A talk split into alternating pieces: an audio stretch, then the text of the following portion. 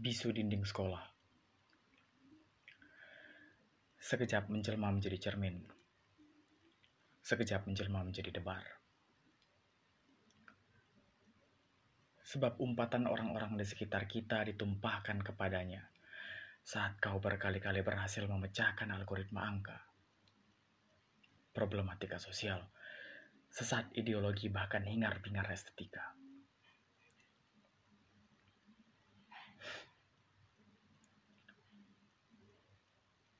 Hari ini kau berdiri dengan mata layu. Selayu pohon ara yang dikutuk juru selamat dari Nazaret yang terkenal itu. Di hadapanmu hanyalah retak-retak papan tulis yang teruk disurati dengan anasir-anasir berulang. Bermain di kedua tanganmu adalah tabun debu kapur yang kerap kau gambarkan sebagai tinta-tinta perang para pemazmur saat menulis Septuaginta.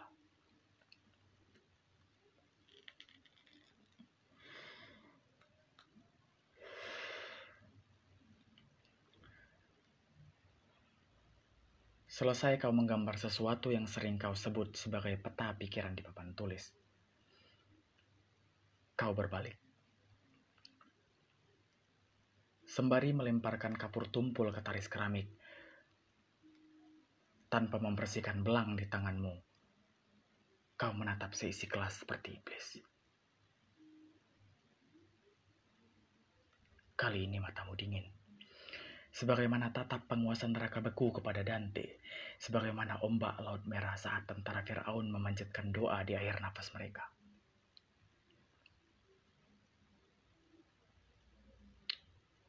Kau menatap ke satu arah tapi entah mengapa, bengismu di bawah angin, memantul ke arah dinding, ke kapa-kapa, lalu ke akal kami.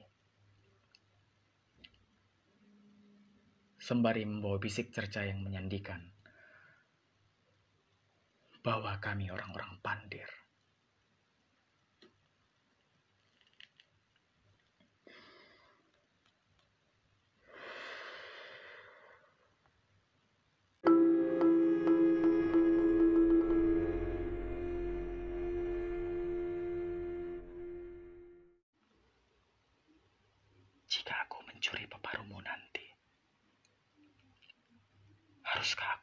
Menafasi Tuhanmu juga?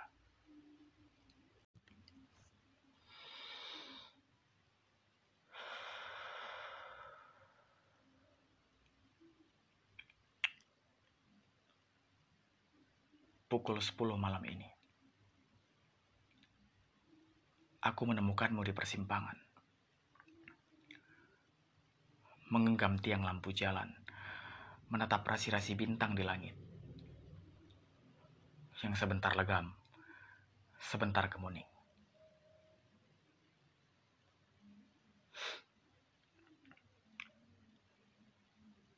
Malam ini aku keluar untuk mencari Jubenak Shemali di Rasi Libra. Menghitung seberapa lama dia bisa hidup sebelum ditenggelamkan oleh warna-warna kota.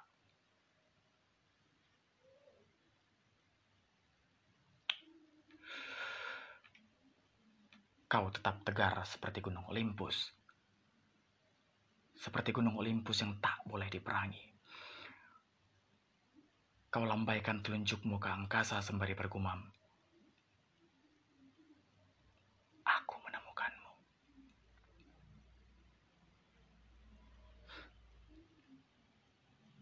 Aku yang kelewat polos mengikuti arah jemarimu.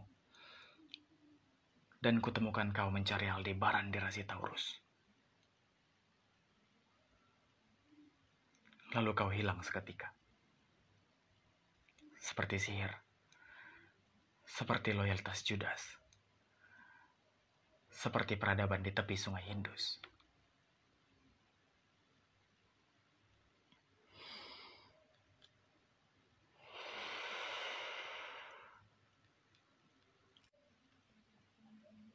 Pagi selanjutnya, sebelum deru lonceng sekolah bersikejar dengan langkah-langkah kaki, aku menyambang mejamu di sudut kelas. Sebagaimana biasanya, kau yang bahagia dalam kesendirian, tetap tenggelam dalam nubuat membaca. Hari ini kau membaca Slaughterhouse Five dari Von God. Tak bergerak, seperti patung Polam David yang menjaga dosa-dosa di kota Florencia.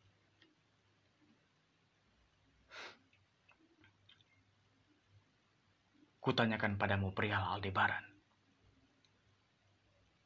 Kau tetap tak bergerak. Maka kukatakan padamu bahwa Aldebaran sudah lama mati.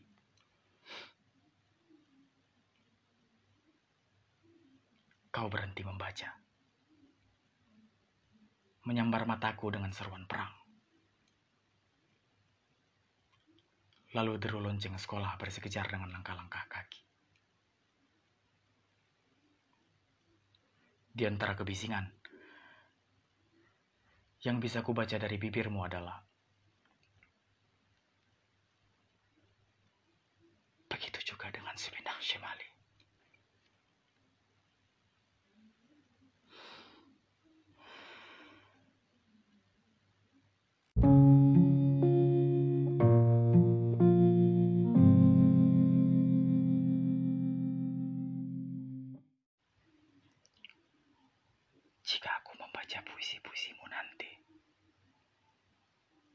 haruskah aku mendoaja pada Tuhanmu juga?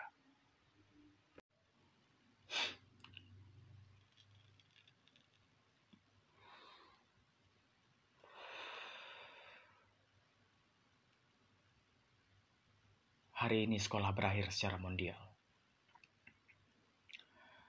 Kiamat yang dinamatengahi dengan kelulusan. Kau berjalan ke arah gerbang yang sudah disetubuhi karat. Tanpa sapa. Tanpa tegur. Tanpa ikut menari dalam hingar-bingar suka duka yang kaku. Tanpa orang lain yang menepuk punggungmu sembari memanjatkan keselamatan.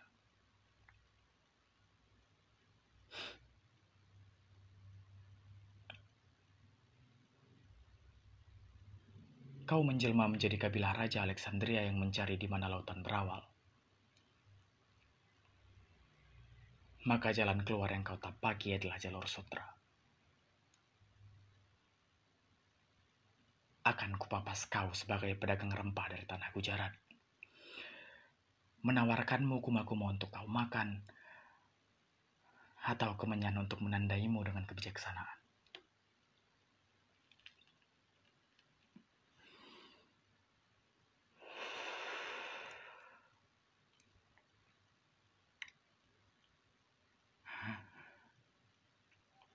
Sungguh aku hanyalah kijang yang menghindari pohon-pohon tua dalam rupa manusia, yang mengejar tunggumu yang tak pernah ada.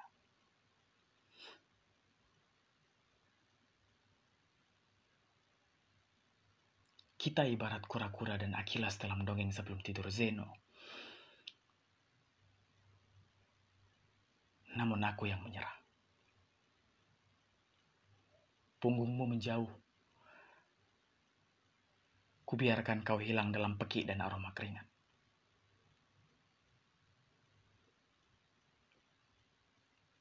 Lalu kau juga menyerah.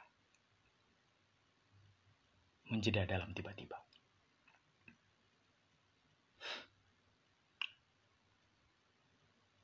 Kau hentikan waktu agar aku bisa membaca sandimu untuk dikejar.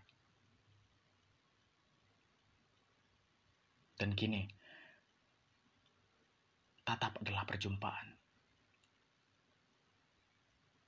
Mata itu suam. Menyirat padanya adalah ketak normalan. Bermirat padanya adalah wajahku yang meminta dirangkumkan dalam pelukan.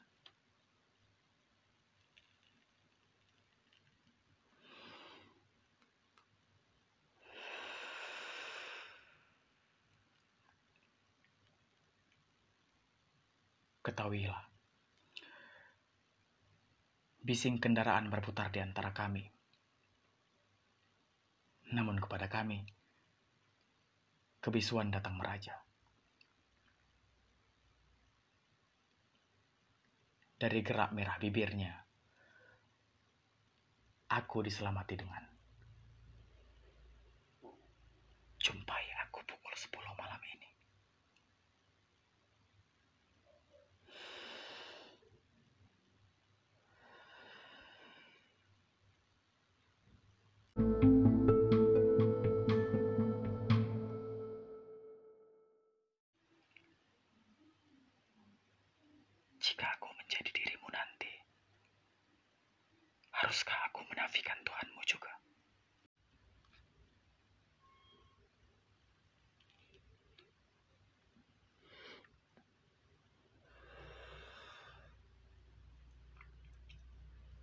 Sekarang ketahuilah. Di persimpangan, aku tak menunggunya. Pun dia tak menungguku.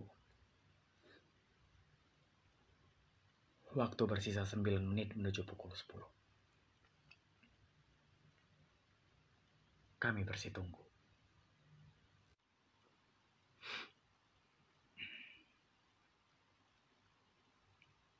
Saat kala sudah diaminkan, hujan turun hanya di tempatnya berdiri. Di sebelah lampu kota. Yang memaksaku untuk ikut basah dan menikahi zarah cahaya.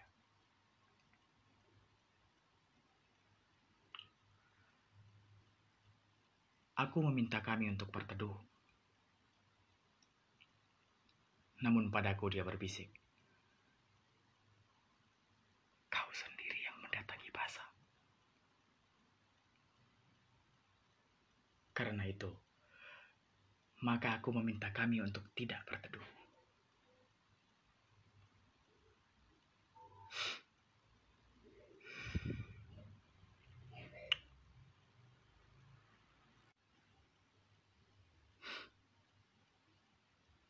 Dia tak bicara. Aku juga tak bicara. Namun tubuhnya berbicara. Dan tubuhku juga berbicara. Erat dia kurangkul untuk menyuarakan sabda-sabda pernikahan. Hangat pelukan yang menghantarkan ancaman persemendaan. Kulihat matanya kembali suam seperti kobaran api yang membakar Roma. Aku yang tak pandai menyembunyikan takjub, kubakar Persepolis agar berseteru dengan matanya.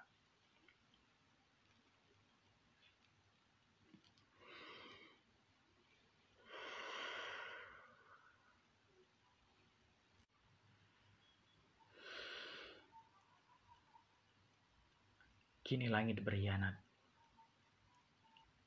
Hammurabi akan memenggal batas angkasa.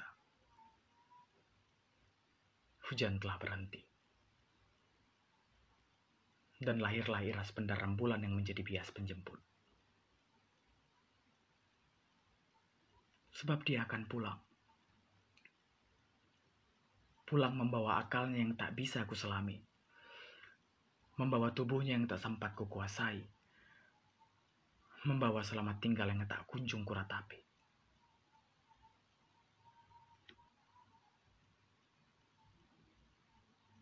Namun dia tahu, atas segala ratapanku akan hilang maujudnya. Benar dia tahu.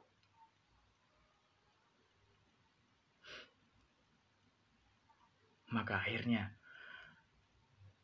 dahiku dihiasi warna-warna mawar.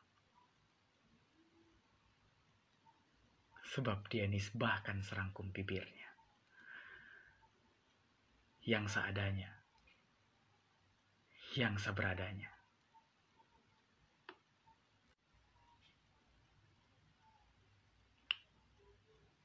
dan untuk batinku. Untuk batinku dia bisikkan.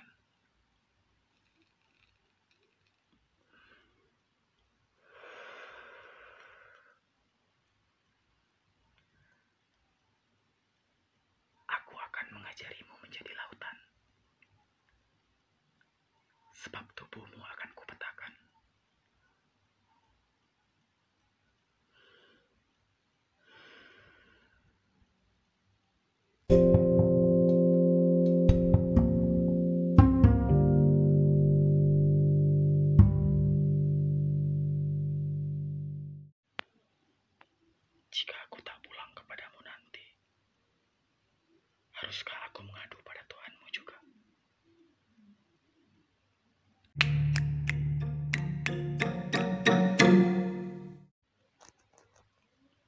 Susur hingga para